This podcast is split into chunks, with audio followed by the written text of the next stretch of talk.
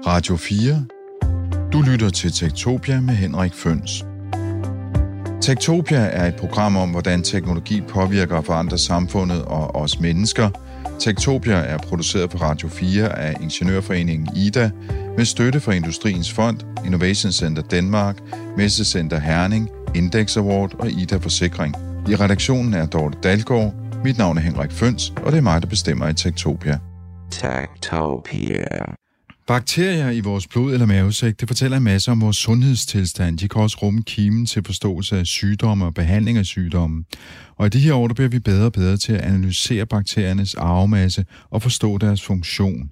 Og det sker primært ved hjælp af computer og software, som lynhurtigt kan overskue store mængder data og analysere dem. Vi kan for eksempel analysere blod på en mobiltelefon, og vi kan sågar konstruere nye bakterier i computeren, som er modstandsdygtige over for virer. Personligt så har jeg på et tidligere tidspunkt fået kortlagt både mit genom for at øh, identificere aflige sygdomme, og senere indholdet af min mavesæk for at analysere bakteriesammensætningen. Og begge dele det er foregået for omkring 100 dollar. Så på mange måder så opfatter jeg mig selv som sådan en sæk fuld af data, som man kan analysere og manipulere med en computer. Og det er det, vi skal tale om i den her udgave af Techtopia. Jeg har to gæster, som begge to arbejder i krydsfeltet mellem informationsteknologi og biologi. Du lytter til Tektopia med Henrik Føns. Allerførst så vil jeg sige øh, velkommen til dig, Christian Grøndal. Du er administrerende direktør og medstifter i firmaet Sniper Biome. Og Sniper, det er jo sådan engelsk for snigskytte, så jeg tænker, hvad er det egentlig, du snigskyder? Jamen, vi prøver at øh, snigskyde de dårlige bakterier, mens vi så lader de gode bakterier være i fred.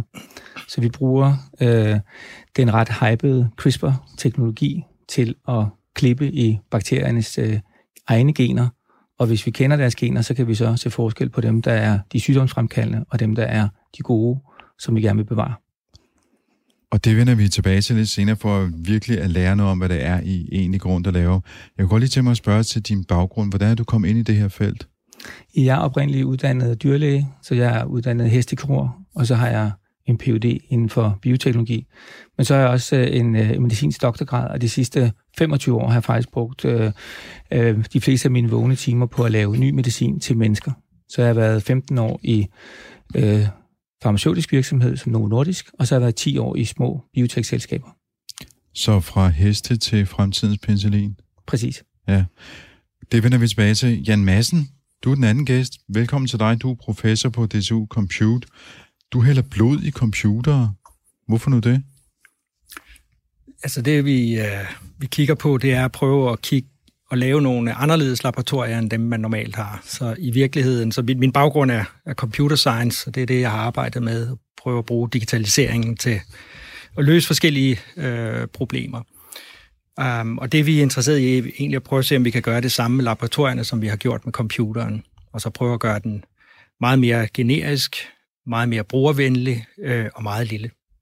Så du laver i virkeligheden et stykke bioteknologisk værktøj, kan man sige? Ja, det kan man sige. Du lytter til Radio 4. Like a lot of things, whenever computers sort of take the attention of the people working in the field, they end, end up eating all of the efforts and technology, etc. Just like cell phones are sort of these ways where different devices melted together because of digital technology. We're seeing the same thing happen in biology.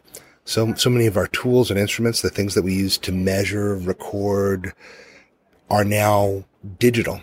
So, uh, DNA sequencing and DNA, by its definition, is a, a digital medium. Det vi hørte her, det var Raymond McCauley, som er en amerikansk biotech-pioner. Han har blandt andet været med til at opfinde en af de mest udbredte computersystemer til at analysere genetisk data. Og det han snakker om, det var prisen på computerkraft, der falder, og hvordan computerne de smelter sammen med anden teknologi. Så nu har vi computer, der kan kaldes øh, gensekventeringsmaskiner, som for færre og færre penge kan analysere de byggeklodser, som vi mennesker og al anden biologi består af. Det vil sige, de kan gå ind og analysere vores gener og se, hvad det er for en, hvad skal man sige, en information, der ligger i dem. Jeg kunne godt tænke mig at spørge dig, Jan Madsen, fordi du, som du siger, er professor i computer science. Hvad er det for en tendens, vi ser her, den her, som Macaulay han snakker om, at, øh, at øh, forskellige typer teknologi smelter sammen og giver os nogle nye muligheder? Altså det første, man kan sige, er jo, at uh, hele computerrevolutionen med mikroelektronik er jo det, der har skabt det grundlag, vi har i dag, hvor vi kan regne på afsindelig store datamængder og, og gøre det hurtigt. Så det at få mere data ud og kunne processere det og få større viden, det, det er jo en stor del af det. Og, og det han lidt øh, snakker om her, det er jo blandt andet de maskiner, som prøver at afkode vores DNA, og så få det lavet om til data, som man så kan prøve at forstå noget ud fra. Men, men det, der, det, der er interessant, er, at vi ved også, at, at Moores lov, som er ligesom en beskrivelse af den her eksponentielle vækst af, af computer, øh, den er ved at nå sin ende, og det vil sige, at vi kigger også efter andre måder at løse problemerne på. Og noget af det, der har interesseret mig, så min baggrund er, som du siger, i mikroelektronik og lave værktøjer til at prøve at designe de her øh, computer, så er det at prøve at kigge på, om vi kan lave den samme transformation, som vi har lavet i, øh, i mikroelektronikken i, i andre teknologier. Og så simpelthen prøve at få dem tolket som værende teknologier, der kan tilbyde den her digitale abstraktion, som vi er vant til. Den digitale abstraktion, hvad, hvad betyder det? Jamen, det betyder, at de fleste tænker på øh, digitalisering som 0 og 1 og som noget, der er universelt. Øh, og, og det er jo sådan set egentlig et, et, øh, mere et matematisk øh, abstraktion af, øh, eller en matematisk teori omkring, hvordan man kan operere med de her nuller og etter. Dem er man nødt til at få til at fungere i en, i en teknologi. Og det, det, der er lykkedes med i mikroelektronikken, det er jo at få de her transistorer ind, så det vil sige små kontakter, der kan tænde og slukke strømmen af elektroner. Så der, der flytter vi elektroner rundt på chippen, og vi øh, kan tænde og slukke for dem med de her kontakter, og i dag er vi oppe på flere milliarder øh, af sådan nogle kontakter, der styrer flowet til at lave de beregninger, der skal. Det har vi været afsindig gode til, men der er ikke noget naturgiven i øh, den her digitale abstraktion. Det er noget, der kræver øh, virkelig øh, hård øh, science og hård ingeniørdisciplin og rent faktisk fabrikere de teknologier, der kan, der kan gøre det. Og det, man kan så stille sig selv om, øh, spørge sig selv om, det er, kan vi lave noget tilsvarende i andre teknologier? Og det kunne for eksempel være i, øh, i biologiske øh, teknologier, så kan vi, som Macaulay også øh, henviste til, at, at vi ligesom kan betragte DNA'en som informationsbærende, og har nogle, nogle blokke dernede, jamen så begynder vi at have, øh, når vi går ind og kigger på, hvordan egentlig øh, bakterier og andre celler afkoder denne her, og reagerer på, øh, på de påvirkninger, øh, de får, er egentlig en understøttende maskine, der kan bringes til at fungere på samme måde, som vi har været vant til i elektronikken. Så vi kan faktisk lave små computer inde i, i celler. Okay, det, det, der står man næsten af, fordi det er sådan lidt, lidt mindbreaking det her, eller hvad man skal sige. Så man kan faktisk lave små computer i kroppen. Øh, det er det, du siger? Ja. Så vil, så vil jeg godt lige over til Christian, Christian Grøndal. Du har lige fortalt, at du startede med hestekirurgi, og nu laver du så øh, det, der hedder CRISPR, som vi vender tilbage til at være, men det jo også er en slags programmering af celler osv. Altså, hvad er det for en, hvad er det for en udvikling, der er sket i den tid, du har beskæftiget dig med, med biologi og, og hvad skal man sige, kroppe som Jamen sådan. altså, der er sket en rivende udvikling. Og øhm, altså, jeg har altid været fascineret af bakterier og øh, infektioner af bakterier. Og øhm, vi har jo nogle meget stolte traditioner her i Danmark øhm, med at beskrive bakterier. Så øhm, øh, i bakteriologiens øh, spæde øh, ungdom, der blev, der blev bakterierne jo beskrevet ud fra deres form, om de var stavformede, eller om de var kuglerumme. Så der taler man om stave og kokke. Øhm, og så havde vi en, en øh, verdenskendt professor, professor Gram, som øh, lykkedes med at, at lave en farvning, sådan så han kunne dele bakterierne op i de bakterier, der tog imod hans farvning. Dem kaldte han gram-positiv. Og dem, de bakterier, der ikke tog imod hans farvning på grund af deres øh, cellevæg, dem kaldte han så gram-negativ. Og den klassificering har vi den dag i dag. Den bruger hele verden man deler øh, simpelthen bakterier op i gram-positive, sådan som stafylokokker og streptokokker, og så gram-negative, det er dem, vi kender som E. coli eller Pseudomonas eller Klebsiella. De har nogle meget smukke navne. Mm. Og, øh, og der kunne man jo faktisk dengang, og fra, øh, ja, øh, frem til kun for 10-15 år siden, kun beskrive bakterierne, øh, dem man kunne dyrke, dem man kunne dyrke på på øh, agerplader eller øh, øh, blodplader, og så kiggede man på dem i mikroskopet, og så øh, kunne man så ellers se, om man kunne øh, slå dem ihjel med de forskellige antibiotika, som vi jo har haft øh, nu her snart i gennem 100 år. Og, øh, og de antibiotika, øh, man har haft, de har alle sammen været det, man ligesom kalder øh, kemikalier eller små øh, molekyler, som kunne gå ind og på en eller anden måde hindre bakterien i at vokse, eller faktisk slå bakterierne ihjel.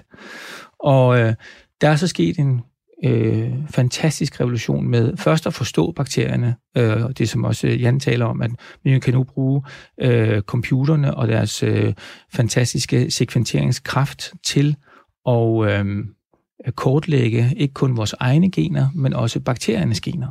Og det har så betydet, at vi har fundet ud af, at øh, der er langt flere bakterier, end vi troede, og at vi i vores øh, krop har øh, utrolig mange øh, bakterier i øh, meget øh, komplicerede økosystemer, som man kalder mikrobiomer. Og mikrobiomer er altså øh, geografiske steder, hvor øh, der er øh, forskellige levende øh, organismer, blandt andet bakterier, men også virus og øh, øh, parasitter øh, og svampe. Men, øh, når, når du siger geografiske steder, er det så geografiske steder på vores krop, altså ja, for eksempel ja. armhulen? Der vil være en armhulemikrobiom, der vil være et øjemikrobiom, der vil være et lungemikrobiom, ja. der er et hudmikrobiom. Øh, hudmikrobiomet er meget stort. Øh, det er kun overgået af vores mikrobiom i vores øh, mave- og tarmsystem. Det, det er så kolossalt stort. Og det, men, men, men, men det der med mikrobiomer, det vender vi tilbage til lidt senere. Jeg kunne godt tænke mig lige at høre, dit firma Sniperbiome, når, når man sådan kommer ind, er, det så sådan gammeldags med pipetter og så videre, eller er det ej, det er topmoderne. Det er topmoderne firma, men med, med, men med pipetter. Ja. Altså, vi, vi, vi laver faktisk stadigvæk helt klassiske molekylærbiologiske ting med pipetter og ned i små Eppendorf-rør og, og laver kloning. Men det, der er meget interessant, det er, at vi har alle idéerne, og vi uh, laver nogle af tingene selv, men vi uh, bruger i stor udstrækning også at sende opgaver ud i byen og få ting tilbage. Så hvis vi skal have sekventeret nogle bakterier eller sekventeret nogle af de øh, lægemidler, som vi er ved at lave, for vores lægemidler består nemlig af DNA. Vi er et af de første firmaer, der vil lave øh, DNA-baserede lægemidler til at slå de her øh, selektive bakterier ihjel. Så sender vi det ud i byen for at få at finde ud af, øh, har det nu den, den, den, den rigtige øh, computerkode eller genetiske kode. Og øh, når vi kigger på de bakterier, vi gerne vil slå ihjel, så sender vi også det ud i byen og siger, kan I sekventere præsentere dem her. Og det sidste, vi sender ud i byen, det er rent faktisk vores øh, lægemiddelkandidater. Når vi først har strikket dem sammen øh, på, øh, på tegnebrættet, hvilket er inde i computeren, jamen så sender vi de beskeder ud og siger, kan vi, kan vi lave os de her stumper af DNA? Og det går så, så lynhurtigt, så hvis vi sender det afsted øh, den ene formiddag, så har vi det dagen efter, eller, eller senest to dage efter, lavet af nogle robotter, enten i Silicon Valley eller i Kina, og så fløjet ind til os. Øh, det, du beskriver, det lyder lidt som om, I sender en computerfil afsted. Det gør vi. Vi sender simpelthen så I sender simpelthen øh, opskriften på, hvordan et uh, ja. bakterie skal se ud, ja. og så laver de det til ud på det ja, her laboratorium? bakterien som sådan. Øh, vi kan godt sende en opskrift på øh, de virus, som bakterier kan få, dem som hedder bakteriofager. Vi har ikke, og det er der ikke rigtig nogen endnu, der har fuldt lavet en fuld syntetisk bakterie, men det kommer. Øh, men men vi, kan, vi kan bede om de her øh, opskrifter på vores øh, øh DNA-baserede lægemiddel, og så få dem sendt til os, og så strikker vi dem så selv fuldt sammen. Så, så nitter vi dem sammen af de, af de stumper, vi får tilsendt. Jeg har faktisk engang besøgt sådan en laboratorium i San Francisco, hvor de, øh, hvor de lavede øh, gensekvenser eller DNA-sekvenser, som blev sendt til dem på den måde, som du beskriver der. Ja, og det er jo en helt, øh, det er en meget, meget ny øh, business og meget ny øh, ja, forretning. Der, der er nogle af de firmaer, har kun været ved, i gang 4-5 år, altså der hedder Twist, og et, der hedder øh, GenScript, og et, der hedder Inscriptor, og hvor, firmaer, hvor, som ikke Hvor mange fandt, er der på verdensplan, cirka? Jamen, der er måske en 10 firmaer, som, som specialiserer sig i, øh, altså et af de helt store firmaer, som er ja, verdensdominerende på, på selve sekventering, hedder Illumina, men de andre, som man vil rubricere som sy- syntetiske biologifirmaer, mange af dem er i USA, og resten er i, øh, i, øh, i Kina, jamen de er blomstret op på de sidste 4-5 år. Øh, og det bringer mig virkelig tilbage til dig, Jan Madsen, fordi det vi hører om her, og det laboratorium, som jeg faktisk besøgte i San Francisco, det var ikke fordi, det var kæmpe stort, men det havde der nogle gevaldigt store maskiner, som formodentlig også koster rigtig mange penge. Men du er ved at lave et mikrolab, så jeg tænker, altså et mikrolaboratorium nærmest, hvad skal man sige, at formindske de her store laboratorier til noget, man næsten kan, kan have i lommen. Øh, kunne du fortælle os lidt om, hvad, hvad, hvordan ser det ud? Hvad er det, man gør med det? Hvordan fungerer det? Ja, så vil sige, der findes forskellige teknologier. Vi bruger noget, som, øh, som baserer sig på, på noget, der hedder elektrowetting. Og det er, hvis man har øh, små væsker, af dråber, som øh, man forestiller sig, man ligger på, på en overflade, som har nogle øh, elektroder, det vil sige nogle små kvadrater, som man kan tænde og slukke øh, for elektronisk, ja, så kan man få øh, ændret på øh, den vinkel, som overfladen af, af den her dråbe øh, laver i forhold til, til, til underlaget, således at den flytter sig. Så vi kan ved at tænde og slukke for nogle små elektroder, rykke dråber rundt. Meget små dråber. Det har jeg faktisk set dig demonstrere, fordi så, så har du så de der dråber, der, der pisker rundt øh, på, en, øh, på sådan en plade, der ligner lidt en printplade, men Ja. øh, det ligner det her gamle spil, man kaldte for Snake. Ja. Tror jeg, hvor, hvor, hvor der sådan snart været en slange, Det- der, pisser rundt på, på det din er- computerskærm, din telefonskærm. Så har du bare en dråbe, som løber rundt her. Ja, og jeg kan have mange dråber. Du kan så mange det er det, der dråber. er interessant. Så i, i virkeligheden er det, vi prøver at gøre, så et er at, at skalere tingene ned, så man kan arbejde med, med mindre reagenser og, og gøre tingene billigere, og få nogle af processerne til at ske hurtigere. Men det er også at prøve at ændre den måde, altså som, som Christian også sagde, øh, i dag der er det meget et, et laboratorie, hvor du har de her forskellige reagenslasser, du har pipetter, hvor du flytter ting rundt, og når du så har noget, så flytter du det ind i et apparat, der gør et eller andet ved det. Om det kan være centrifugere, eller varmer op, eller laver noget sekventering. Øhm, så det vi øh, forsøger at prøve, er dels at, at vende op og ned på den, og sige, jamen, i, i stedet for at vi øh, dels skal, skal hive væskerne op og ned med de her pipetter, øh, der har man hver gang, man laver sådan en operation, så har man et plastikaffald fra spidsen af den, som man, man skyder af. Hvorfor ikke i stedet for at tage, fjerne både reagensglasset og pipetten, og bare fange det i denne her dråbe, og så flytte dråberne rundt. Så hvis, hvis man skal mixe to væsker, så flytter man to dråber hen på det samme sted, og så flytter man dem rundt, indtil de er, øh, er blandet tilstrækkeligt. Og det vi kan lave i de her, det er, at vi kan lave alle de her operationer med at, flytte dråber rundt, få dem mixet. Vi kan også splitte dem ad igen, så man kan faktisk øh, lave det, man så også gør, når man nu har mixet i et reagensglas, og man så tager en noget ud med en pipette og flytter det over til noget andet. Så vi prøver at tage alle de operationer, der er der, men at fjerne de her manuelle processer, øh, og så gøre dem øh, fuldstændig øh, digitale, om man vil. Det, der så bliver gevinsten ved at gøre det her, er, øh, og den du beskriver, som ligner det her snake eller et skakbræt i virkeligheden, hvor de flytter rundt på, det gør, at i stedet for at flytte dråberne hen, hvor instrumenterne er, så skaber vi instrumenterne rundt om, om dråben. Så hvis jeg er interesseret i for eksempel at, at varme den op, jamen så kan jeg sørge for, at det sted, hvor den er, derop, der laver jeg øh, den varme, der skal til, for hvad det nu er, jeg vil ønske at gøre. Jeg kan også, øh, og der flytter jeg det så måske hen et sted, hvor der er en sensor til et eller andet, eller øh, en eller anden form for, øh, for detektor. Så det, Så, så du, du kan have forskellige laboratoriefunktioner installeret forskellige steder på den her plade, yes, ja. Hvor, hvor du normalt skulle løbe rundt i man laver normalt forskellige øh, steder. løbe rundt. Og det Ja. betyder også, at vi kan gøre mange ting parallelt, så alt efter hvor stort øh, vi skalerer denne her. Så vi kan have flere eksperimenter kørende på samme tid. Hvor, hvor, hvor stor er den her plade? Altså, Altså vi har nu, den vi arbejder på, det, det er et printkort på øh, 10 gange 10 cm, hvor øh, det er måske så en fjerdedel af den, der er, der er dækket, og der, der er så 640 elektroder. Så den er på størrelse med en tændstis, en største sådan en Ja, køkkenhusholdningstændstis ja, æske. Det ved ikke, om der er nogen, der har derhjemme mere, men øh, jeg husker dem i hvert fald. Hvad, hvad, hvad kan vi ellers beskrive den som? Øh, På størrelse med en iPhone i ja, virkeligheden. på størrelse med en iPhone, ja, faktisk. Ja, det er du ret i. ja. Men altså, jeg synes, det lyder helt fantastisk. Altså, vi er 25 forskere nu, og vi har et laboratorium på cirka 600 kvadratmeter, og hvis det er, at vi skal lave rigtig mange store screeninger og komme igennem mange tusind designs, så øh, prøver vi at, at gøre det, som Jan beskriver, men jo øh, på det, som er øh, øh, tilgængeligt i dag, og det er så med pipetter. Vi kan så få hjælp af nogle robotter, øh, så i øjeblikket har vi øh, en 3-4 robotter, hvor vi kan køre sådan nogle øh, 96-plader igennem, og, og vi kan godt sådan nogenlunde fornuftigt øh, på en dag komme igennem et par tusind prøver. Øh, men det der har jo en øh, skalerbarhed øh, og en, nogle fantastiske øh, altså fremtidsmuligheder, så vi ville jo kunne måske 10-doble vores øh, output, øh, hvis vi havde øh, øh, øh, øh den teknologi, som Jan beskriver. Ja, eller når man også hører, hvor småt det er, så kan I måske flytte, til, flytte ind i en treværelses lejlighed, i stedet for de 600 kvadratmeter. Det kunne man godt forestille sig. Men jeg tror, der, er- der er en, så der er en anden, dels af den størrelsen af det og funktionaliteten omkring tingene, men det betyder også, at vi pludselig kan tilbyde at kigge på det at lave øh, biokemiske øh, processer på en anden måde.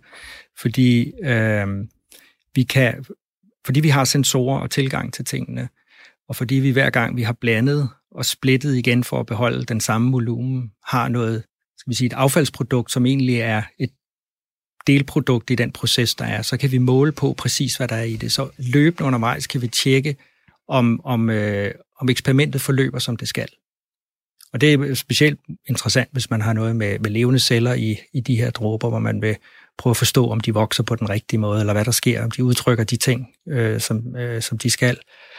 Um, og det giver en, en, øh, en fleksibilitet, der, der gør det muligt på et højt abstraktionsniveau, ligesom vi er vant til i computerne, at beskrive det, vi vil have.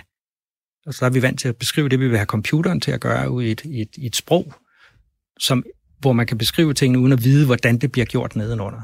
Det er det samme, vi gerne vil have ved laboratorierne. Så man sidder og arbejder på et, et niveau, hvor man beskriver algoritmerne eller protokollerne, som man kalder det der, og så bliver de afviklet nede på. Og der kan vi så lave sådan nogle test undervejs og sige, hvis det her skete, så gør det her, eller så gør noget andet. Og det, det, er, det er svært i dag. Det vil sige, at du får et helt nyt instrument til at arbejde med tingene. Så det vil sige, at du kan faktisk programmere laboratoriet, hele laboratoriet til at udføre en masse forskellige opgaver? Ja, og jeg, kan, jeg kan lave betingede eksperimenter, hvor jeg undervejs kan, kan træffe beslutninger, som jeg ikke gør på, på forvejen.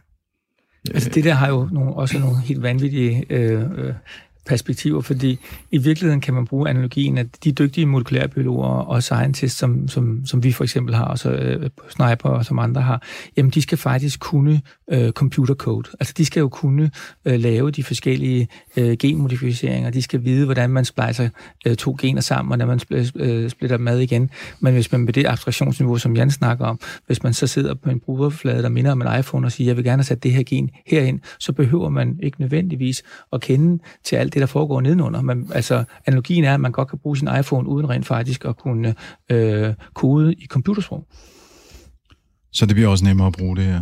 Men hvad, hvad, betyder det for, for faget som molekylærbiolog? Altså bliver der, bliver der færre arbejdspladser? Eller, det kan være, det bliver flere, det fordi der skal jo så være nogen, der oversætter det der til en brugerflade. Så, så men det, det, det nok kunne gøre, det kunne nok demokratisere, der nok flere, der kunne lave øh, den her type øh, forskning, og måske så rent faktisk være bredere, måske vide mere om sygdommen, måske have en medicinsk baggrund og vide noget om, hvordan øh, patienterne har det, men rent faktisk også kunne lave den her type forskning, øh, fordi de så ville have adgang til den molekylærbiologiske del af det, kunne man forestille sig. Øh, ja, nu ved jeg, at du arbejder også med at, øh, at overføre det her til papir. Ja, fordi man kan sige, at med den teknologi, vi bruger, øh, der er det, at det substrat, vi ligesom baserer det på, er sådan set øh, lidt underordnet. Så, så udover, nu bruger vi, som, som du også sagde, printkort, øh, fordi de er billige at få. Det er, en af, det er en af vores øh, visioner også. Vi vil gerne lave noget, der er, er nemt tilgængeligt og billigt. Man kunne lave dem i samme teknologi, som man laver chip, altså sådan en siliciumoverflade, og så få det meget, meget småt og fint.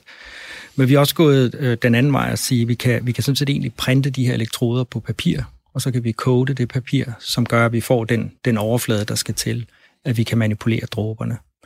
Og så, så går du helt dråberne på et stykke papir? Ja, men papiret er så øh, beskyttet af, af et lag, så ellers så suger det ned i, ja, i papiret. Ja. Men man kunne lave huller, hvor det så blev suget ned og skete en eller anden kemisk reaktion der, der så var sensoren, der ændrede farve, alt efter for eksempel hvilken bakterie eller hvad det måtte være, der er i. Men for, for lige at forstå det, skal der ikke strøm til det her papir? Jo, jo.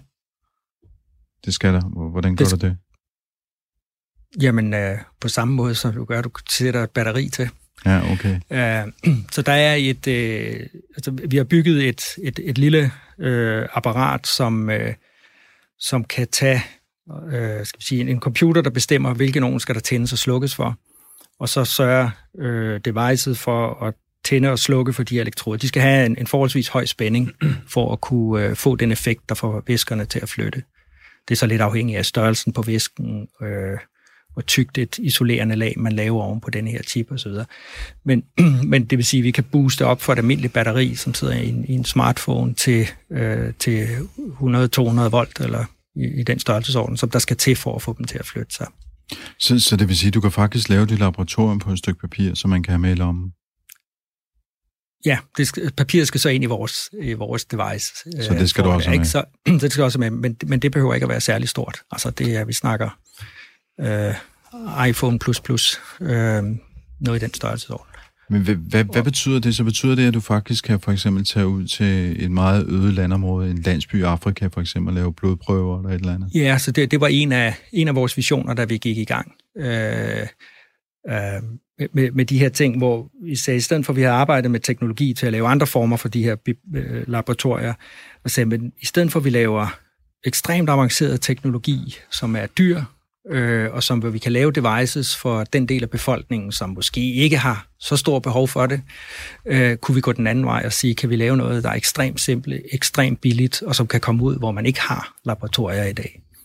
Og det var så der, den idé blev, blev fanget. Det var, jeg var på en konference, hvor jeg snakkede med en kemiprofessor fra Sydkorea, som havde lavet, udviklet et, et, øh, et ledende øh, blæk på, på carbon nanotube, som han kunne putte i et, et almindeligt øh, print, øh, printer cartridge for, for en sådan en, en jetting printer. Og det vil sige, at du kunne printe laboratorierne ud. Um, og det blev vi lidt fanget af, så det kunne vi bruge den teknologi til det, vi ville gøre. Så lavede vi et, et samarbejde, hvor vi, uh, hvor vi viste, at, at det kunne man faktisk godt gøre i et lille device. Han havde så det problem med hans elektronik, fordi der var stor spænding, og der skulle instrumenter til at styre det hele. Det fyldte et helt køleskab. Så selvom han kunne lave noget på et lille stykke papir, uh, så kunne han ikke slæbe det her køleskab med rundt. Og vi sagde, det, det tror vi godt, vi kan hjælpe dig med. Og så lavede vi så elektronikken, i, som den første version lignede sådan en, uh, en lille madkasse, hvor man kunne klippe papiret på toppen af, og så kunne man få de her ting til at, til at ske. Og der har vi vist, at vi kan lave sådan nogle, nogle simple øh, eksperimenter og også test på blodsukkermåling og andre ting, øh, og for, for ligesom at få testet øh, teknologien af. Så, så ideen her var, at man kunne tage sådan en laboratorie og få det ud der, hvor, hvor, du, øh, hvor du ikke har adgang til laboratorier. Kan, kan, kan man også tage andre ting og opløse med væske og komme på, altså for eksempel jord eller, eller andre?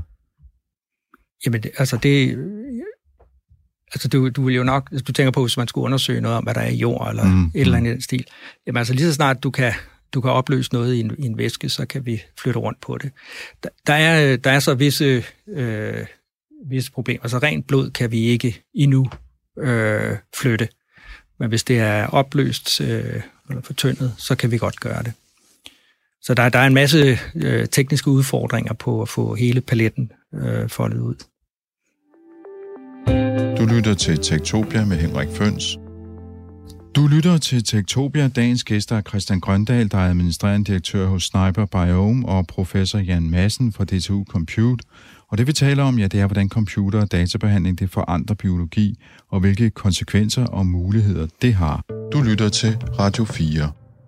Sometimes whenever they're malfunctioning, not working correctly, uh, you can have problems with diabetes, metabolic syndrome, weight gain, or malnutrition.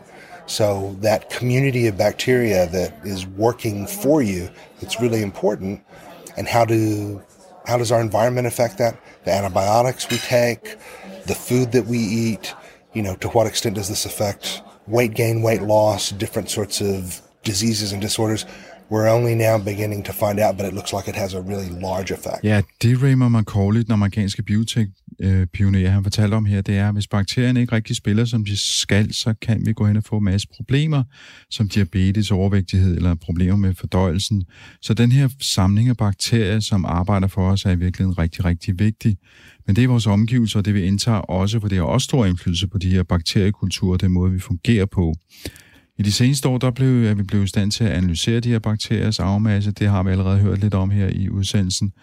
Øh, ligesom vi har kunne gøre det med mennesker og dyr de sidste 20 år med vores arvemasse. Rigtig mange af os tænker nok ikke rigtig over, hvor mange bakterier, der egentlig bor på os og i os. Men Christian Grøndal, det var du faktisk på inde på lige øh, tidligere. Du sagde, at de boede på forskellige geografiske steder i armhulen mellem tæerne og i maven osv.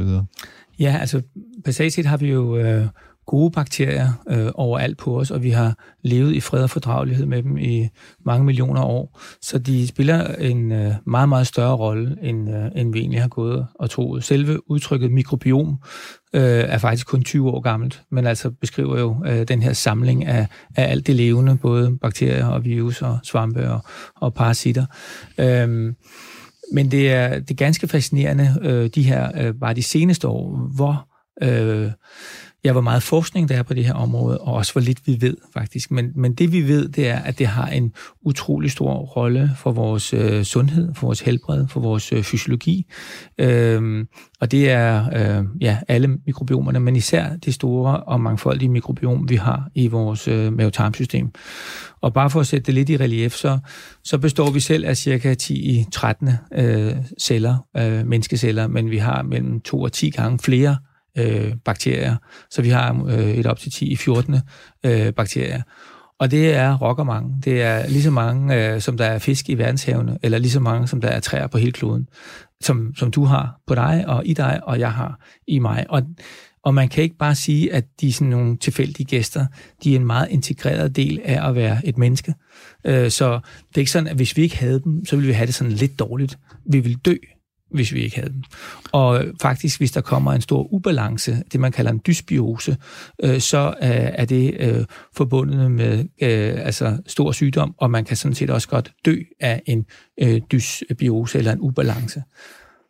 Så derfor så er det i virkeligheden er bare vigtigt, at bakterierne har det godt, og de måske også kan forsvare sig mod, at de bliver angrebet af virus, for det kan de også blive. Og der var så en ny opdagelse her, som ikke er mere end 5-6 år gammel, som man kalder for CRISPR, som handler om bakteriernes øh, immunsystem. Og det er jo det, du baserer din virksomhed på. Kan du forklare os, hvad er CRISPR? Det kan være lidt svært at forstå, men jeg ved, du er god til at forklare det. ja, altså først er der selve ordet CRISPR. Mm. Øh, der er nogen, der tror, at det er en sammentrækning af Christian og Jasper. Det er det så ikke, men, øh, men det synes vi er meget sjovt, fordi to er, er, er os, der er involveret i Sniper. Vi hedder Christian og Jasper. Men det står sådan set for Clustered Regular uh, Interspaced Short Palindromic Repeats. Og det er jo så øh, en meget kompliceret måde at sige på, at det her er nogle små ens øh, lignende stumper DNA, som øh, kan læses øh, ens forfra og bagfra og som første gang er fundet i øh, nogle øh, bakterier ned i Spanien af en spansk forsker der, som var meget nørdet omkring de her bakterier, som kunne tåle en hel masse salt. Øh, og han faldt dem i sådan nogle saltpøle øh, øh, pøle, eller sådan nogle saltsumpe. Og, øh, og der beskrev han øh, de her øh, CRISPR-fænomener første gang, uden at vide, hvad det var. Og øh, det er så kun inden for ja, de sidste 5-10 år, at man så har fundet ud af, at det faktisk er et adaptivt immunsystem, som de her bakterier har, for at beskytte sig mod indtrængende virus. Og øh, bakterier, selvom de er så små og øh, undselige og ikke har nogen cellekerne, så har de faktisk et immunsystem, og de øh, bliver faktisk øh, hele tiden angrebet af virus. Så bakterier kan få virus, ligesom vi kan få virus. Det er så ikke influenza eller forkølelsesvirus, men det er særlige øh, bakterievirus, som man også kalder bakteriofager. Og øh, Bare for at forklare det kort, så er det så sådan, at hvis en bakterie overlever sådan et virusangreb, øh, øh, så de få bakterier, der overlever, øh, de øh, lærer så nogle stumper af de her øh, virus-DNA i deres egen arvemasse. Så øh, hvis man ved, hvad et virus er, det er bare en lille stump DNA, der er omgivet af en proteinkappe, øh, så kan man godt forstå, at øh, øh hvis det er, at, øh, at man kan genkende sådan et stykke øh, DNA, og så kan klippe det i stykker, så kan man stoppe øh, virusens livscyklus. Og det er, hvad CRISPR er. Det er en, øh, en gensaks, som øh, bakterien kan øh, have rendende rundt som en form for øh, ja, armerede politibiler og, og hele tiden scanne, er der nogle virus, der er ved at komme ind. Og kommer der så en virus ind, hvor at bakterien har set den før, så kan den ved hjælp af CRISPR og den øh, molekylære saks, øh, den øh, endonuklease, som kan klippe i DNA, øh, så kan den nå at klippe virusen i stykker, før virusen overtager cellen og begynder at, at øh, reproducere sig, så en virus bliver til 100 eller 1000 virus. Så, så i virkeligheden så er det her en, øh, en dørmand, der genkender en virus, og inden den kan komme ind, så klipper han den i stykker? Ja, og, øh, og den måde, han genkender den på, det er, at der skal være et fuldt match. Altså, han kan genkende DNA'et øh, i virusen, og det er så det øh, matchende DNA i det, man vil kalde en, et CRISPR øh, øh, øh, et, et, en, en CRISPR array, eller en, en, øh, den, den, den information, der fortæller, hvor den molekylære saks skal klippe. Så man kan også sammenligne det lidt med kontrollen i lufthavnen, hvor de kigger på ens foto og siger, er du terrorist eller ikke terrorist? Det er faktisk, det er faktisk det er en god analogi. Mm. Øh, og hvis det så er en terrorist, så skyder de den lige med det samme. Ja, det, er, så, det er så det, man gør, i, hvis man er et bakterie, eller dørmand hos en bakterie. Ja. Du, jeg har et lille lydklip med en fyr, der hedder Rudolf øh, Baringo, som er sådan en øh, CRISPR-pioner, som lige fortæller lidt om, øh, om det her. Those CRISPR-Cas systems occur naturally in approximately 46% of bacteria. So almost half of all bacteria on planet Earth have CRISPR-Cas systems, including those in our gut, in our urogenital tract, on our skin, in our oral cavity, and on and on, or in the environment in the ocean. What happened a few years ago was people repurposed the CRISPR Cas molecular machines from bacteria and adapted them as programmable tools. That is what changed the world of CRISPR, going from a scientific phenomenon, a peculiar immune system in bacteria, to a programmable tool that people can actually use in the lab to cut DNA of interest in a programmable manner. Ja, det Rudolf øh, Baringo, han fortæller her, det er jo, at der i næsten halvdelen af alle bakterier i verden findes CRISPR, og det er jo øh, bakterier, de sidder på vores krop eller befinder sig ude i naturen et eller andet sted. Men det, der er det nye, det er for 5-6 år siden, der fandt man på, at den her genetiske saks, som du har snakket om før, den som dørmanden i bakterien har, den kan vi mennesker faktisk øh, overtage, og vi kan programmere den, så vi faktisk kan gå ind og begynde at klippe i organismer og forandre dem. Ja, det er jo det, der er så fascinerende, at øh, DNA øh, består jo af de samme fire øh, byggesten, fire øh, nukleotider i alt levende. Om det er bakterier, eller om det er virus, eller om det er hunde og katte, eller om det er os mennesker. Det er det samme DNA. Fuldstændig det samme. Ikke bare det ligner, men det er fuldstændig det samme. Så det er de samme byggeklodser, Det er de samme som generne bygger af? ja. A'er og T'er og C'er og G'er. Og det minder jo lidt om computerkode, øh, som med, med, med 0 og 1-taller. Men øh, det, som øh, øh, forskeren her i klippet taler om, det er, at man for øh, kun 5-6 år siden øh, faktisk øh, lykkedes med at øh, tweake det her øh, adaptive immunsystem fra bakterier til at kunne bruge det som en universel gensaks. Så det her CRISPR-Cas kan faktisk bruges til at klippe i alt DNA. DNA i hvede, eller øh, DNA i en stamcelle, eller DNA i et øh, menneske, som, som har en genetisk sygdom og ikke kan udtrykke et vigtigt protein. Øh, så på den måde revolutionerer det faktisk vores mulighed her øh, 15-20 år efter, at hele det, det humane genom blev kortlagt, så har vi så faktisk fået en helt fantastisk øh, værktøjsæske til at ændre på generne. Og det kommer til at få øh, meget, meget øh, øh, store øh, ændringer i vores samfund. Det vil simpelthen ændre øh, de dyr, vi omgiver os med, de vil ændre de planter, vi omgiver os med, de vil ændre de afgrøder, vi har på vores, øh, øh, på vores øh, marker, men det kan også potentielt ændre os. Så øh, altid med sådan nogle nye teknologier, så skal man se på, hvad er alle de, de gode og nyttige egenskaber, øh, sådan en, øh, eller anvendelser rettere, men man skal også kigge på, hvad er farerne ved det, fordi det kan faktisk også bruges til øh, en hel masse juks.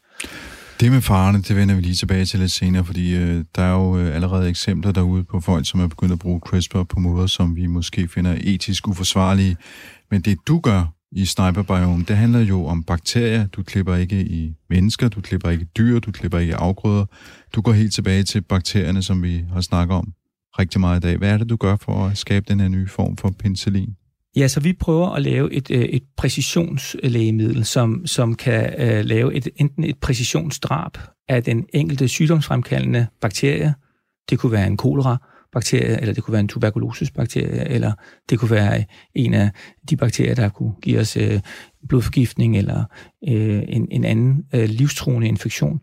Men, men øh, nu har vi talt øh, øh om det her mikrobiom øh, i vores øh, mavetarmsystem, som øh, vores, øh, vores store vision er faktisk også, at vi ved hjælp af, af CRISPR kan modulere, altså ændre på sammensætningen af det her mikrobiom. Og det kan være, hvis det, har, hvis det er tiltet på en eller anden måde, så man har fået en dysbiose, så der er et tab af gode bakterier, eller hvis der er en fremvækst af dårlige øh, bakterier, eller hvis der i det hele taget er et tab af, af artsrigdom, det man kalder diversitet, hvis der mangler øh, en, en, en masse af, af alle de her mange øh, nyttige bakterier. Så vi håber på sigt at være i stand til at kunne øh, ændre øh, på sammensætningen af mikrobiomet. Og nu siger du penicillin, altså hvor, hvor, hvorfor er det så vigtigt at lave en ny type penicillin? Fordi vi har jo penicillin. Vi har penicillin, og vi har haft penicillin øh, i næsten øh, 100 år, siden øh, 1928, men det er netop det med at have har haft. Øh, vi, vi, vi ser i stigende grad nogle øh, øh, bakterier, som faktisk bliver øh, resistente, ikke bare over for penicillin, men over for en lang række øh, antibiotika. Og pludselig har vi altså fremvækst af det, vi kalder multiresistente bakterier. Og øh, prøv at forestille en situation, hvor at vi har bakterier, der slet ikke kan bekæmpes med, med, med nogen som helst af de penicilliner, vi har i dag. Og det er man faktisk ved at, at komme i den ulykkelige situation, øh, blandt andet inden for øh, kønssygdommene, altså øh, øh, gonoré øh, rundt omkring i verden, er meget, meget vanskeligt at behandle, selvom man øh, behandler med øh, triple øh, øh, terapier med de, med de øh, mest virksomme stoffer.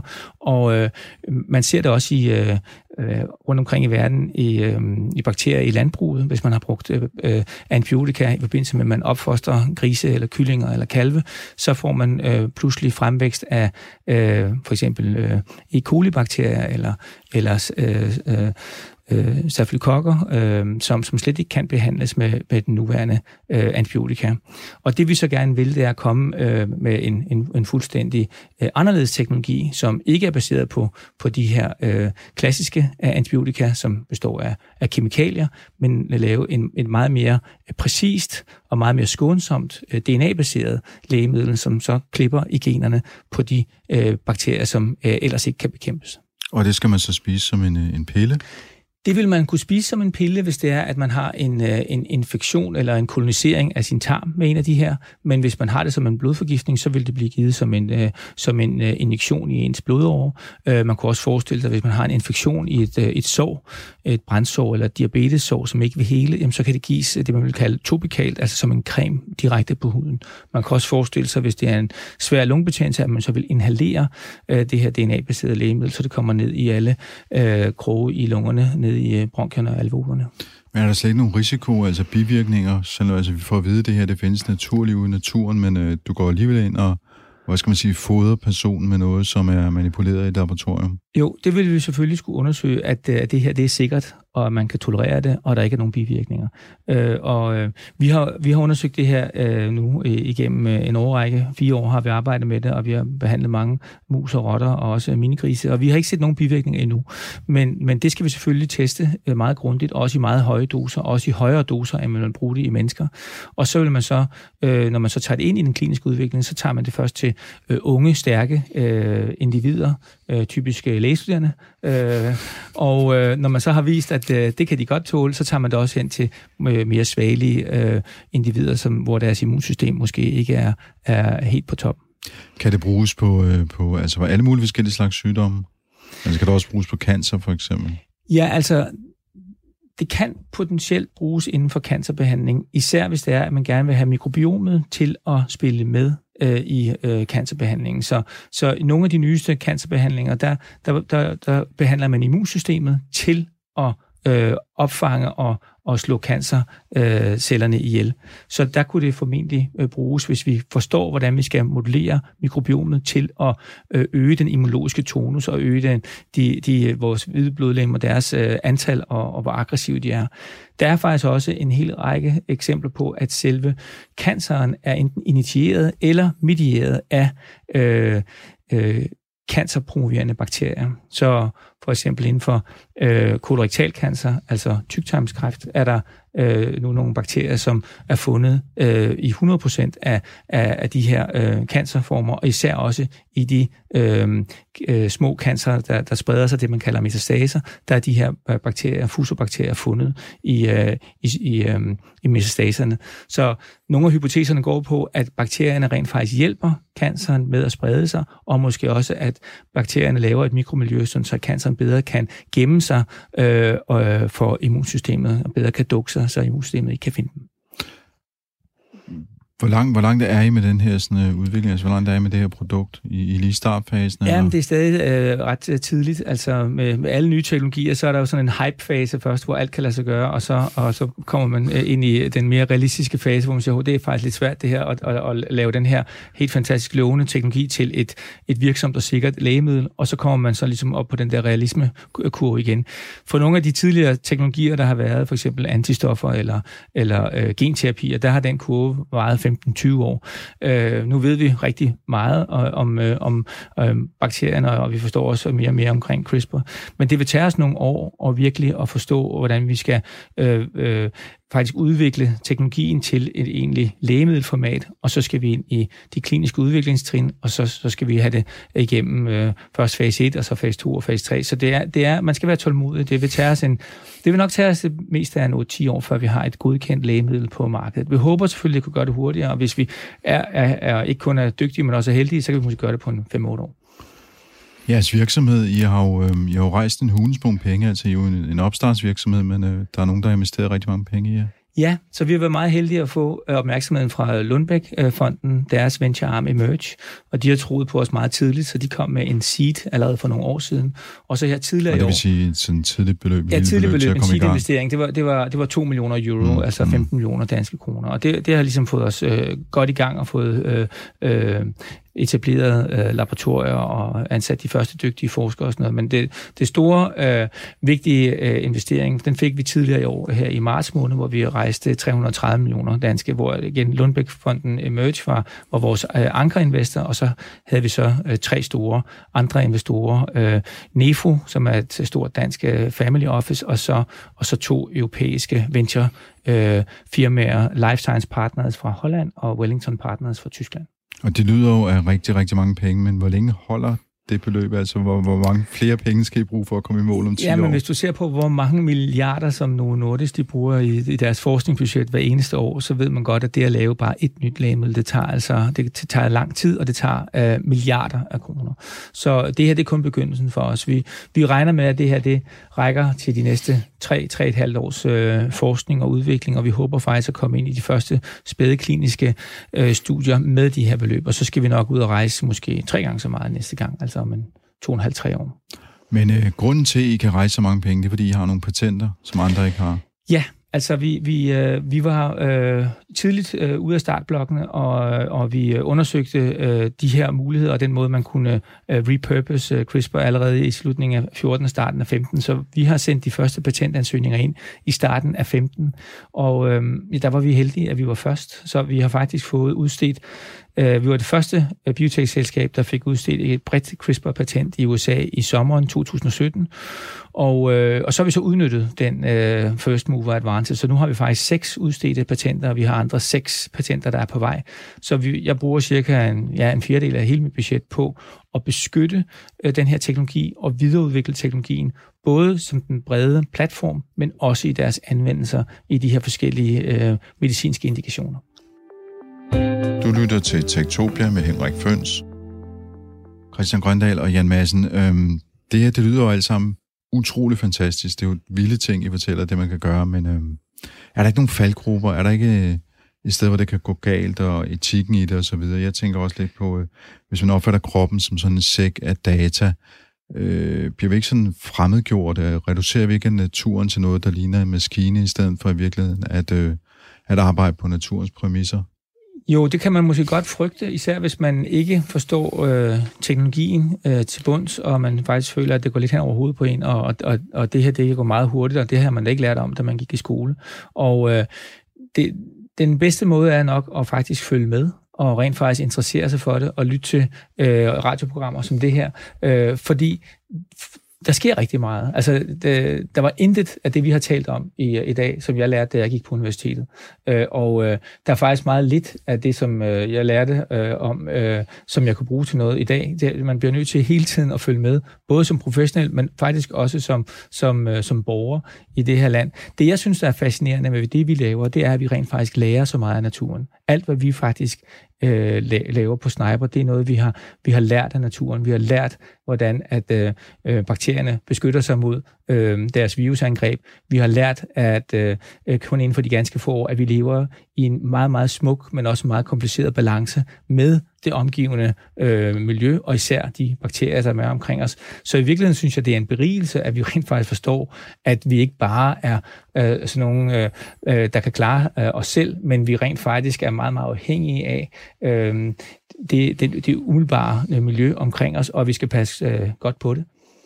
Ja, ja Madsen, du var lidt inde på det der med at programmere øh, organismer, ligesom at programmere computere. Mm-hmm. Vi ved, hvor meget der går galt, når man programmerer en computer, hvordan IT-systemer de fejler, og vi får virus, og de bliver hacket osv. Øh, ser du en fare der? Kan man blive hacket som, øh, som hvad skal man sige, programmerbart menneske i fremtiden måske? Øh, det, det er jo et godt spørgsmål. Altså jeg tror, som Christian også var inde på, så, så er der rigtig mange ting, når teknologi er ny, der er hypet, og man tror, man kan alt, og, og så møder man virkeligheden, og så er der en masse ting, der faktisk ikke er så nemt, som, som det lige lyder. så, men der sker, der sker rigtig mange landvindinger inden for det her, det går stærkt. Jeg tror, noget af det, som er for mig at se mest interessant, det er den her konvergering mellem forskellige teknologier. Så det er ikke sådan noget med, at øh, du har biologien, og så tager du noget data ud, og så behandler du data, og så kan du gøre noget andet. Tingene smelter sammen. Og det er jo også det, som, som CRISPR er et, et super godt eksempel på, hvor man, man gør de her ting. Øh, for, for eksempel, øh, bare for at øh, måske at give et eksempel, så øh, er det sådan, at, at man kunne forestille sig, at man har sådan en gensekventeringsmaskine, hvor man jo skal passe på, hvis jeg får mit genom øh, sekventeret, så er jeg jo ikke interesseret i, at andre kan få fat i det data. Så det vil jeg gerne have, at de har beskyttet det rigtig, rigtig grundigt. Øh, så der gør man alt, hvad man kan for, for at beskytte de maskiner, de datamaskiner og lager, der er, som, som indeholder det her data. Man har faktisk vist, at man kan gøre det, at man øh, koder, tager sit, det program, som man vil have øh, ind som, øh, øh som malware på, på computeren. Det, det er jo så bare informationstegn. Det koder man om til DNA, og så smider man det ned i en dråbe blod, og så sender man den til gensekventeringen, så beder den om at sekventere det DNA, der nu er i det her. Og det gør maskinen så, og så har man fået genskabt koden ind, ind i computeren, og så kan den tage over derfra. Så, så det er en måde at, det, at, at hacke så, en gensekventeringsmaskine på? Så det er en, en måde. Det er ikke, ikke helt så nemt, som det lyder. Det, det er gjort, men de var nødt til at slække på nogle ting og sådan noget. Men, men, men jeg tror, at det der... Øh, jeg bruger det som regel som eksempel, når, når folk snakker helt om det her med, om hvordan vi beskytter data som, en, som et, et computerproblem. Altså, Man siger, men, men når, når teknologierne begynder at, øh, at konvergere, så opstår der helt nye muligheder, som vi også bliver nødt til at være, øh, på, være åbne over for, og prøve at forstå, hvordan skal vi så forholde os i forhold til dem.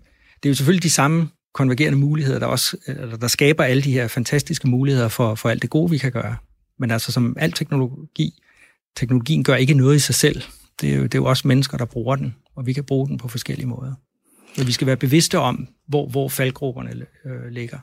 Men den konvergering, som Jan taler om, det, det er meget fascinerende. Jeg var over her sidste måned og holdt foredrag i San Francisco i sådan en kongres for syntetisk biologi, der hedder SynBio Beta, hvor han var inviteret til at præsentere Sniper Biome, og de to øh, hotshots, der så var der, øh, øh, og lavede en fireside chat, det var så den tidligere mangeårige chef for Google, øh, Eric Schmidt, og så øh, mangeårig øh, øh, professor på Broad MIT, øh, George Church.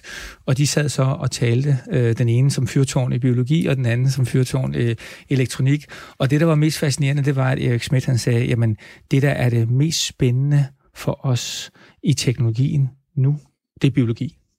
Og det havde jeg aldrig forestillet mig, at jeg skulle høre fra en Google-mand, hvor han siger, jamen, det er, jo, det er jo der, vi kan virkelig applicere også det, som Jan siger, hvor de, de to ting, de konvergerer. Der er så meget, man kan lave syntetisk nu, og hvor man kan forstå biologien, hvor det før han har været en fuldstændig uoverstigelig kompleksitet, altså for eksempel mikrobiomets kompleksitet, jamen det er jo bare, det er jo bare barnemad for nogle af de store computere og nogle af de, øh, de bedste øh, algoritmer, når man så bruger machine learning eller, eller artificial intelligence, det de netop kan, det er, at de kan spise kompleksitet og gøre det forståeligt for, for os. Så det var spændende at høre ham sige, at det er der, vi alle sammen, alle os øh, uh, tech-geeks, der hvor vi går, vi går til biologien.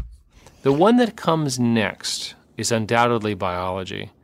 Um, that the same tools and techniques for combinatoric calculations, the kind of um, computer use analytically that we do today, when applied to biological systems – has an even greater impact. As we begin to say we're going to take the analog world of biology, how genes work, how diseases work, put them in a digital framework, calculate for a while, do some machine learning on how things happen, we'll be able to not only help you become a better human being, but predict what's going to happen to you physically, in terms of your health, and so forth. Everything that we can do to, ha- to build a model of how biology works, and in particular how the human brain works, how DNA works, how protein folding works, these sorts of things, um, is a serious step change for humanity. So the use of analytical tools in historically analog world is a very big change. Og det lukker jo op for en helt anden problemstilling, som vi ikke har tid til at tale om i dag, men som vi måske kan komme ind på på en senere udgave af Tektopia, nemlig hvem der egentlig har kontrollen med det her. Fordi nu siger du Erik Schmidt, som jo er, af en ledende person inden for Alphabet-Google, så det tyder på, at de her store amerikanske selskaber også er på vej ind i biologiens verden. Tak til Christian Grøndal, administrerende direktør hos Sniper Biome, og til professor Jan Madsen fra DTU Compute, fordi I kiggede forbi øh, Tektopia den her uge. Det var den første udgave af Tektopia på Radio 4. Du kan finde den som podcast på radio4.dk, og så kan du glæde dig til at høre mere Tektopia her på kanalen hver søndag kl. 13.03. Jeg hedder Henrik Føns på Genhør. Techtopia.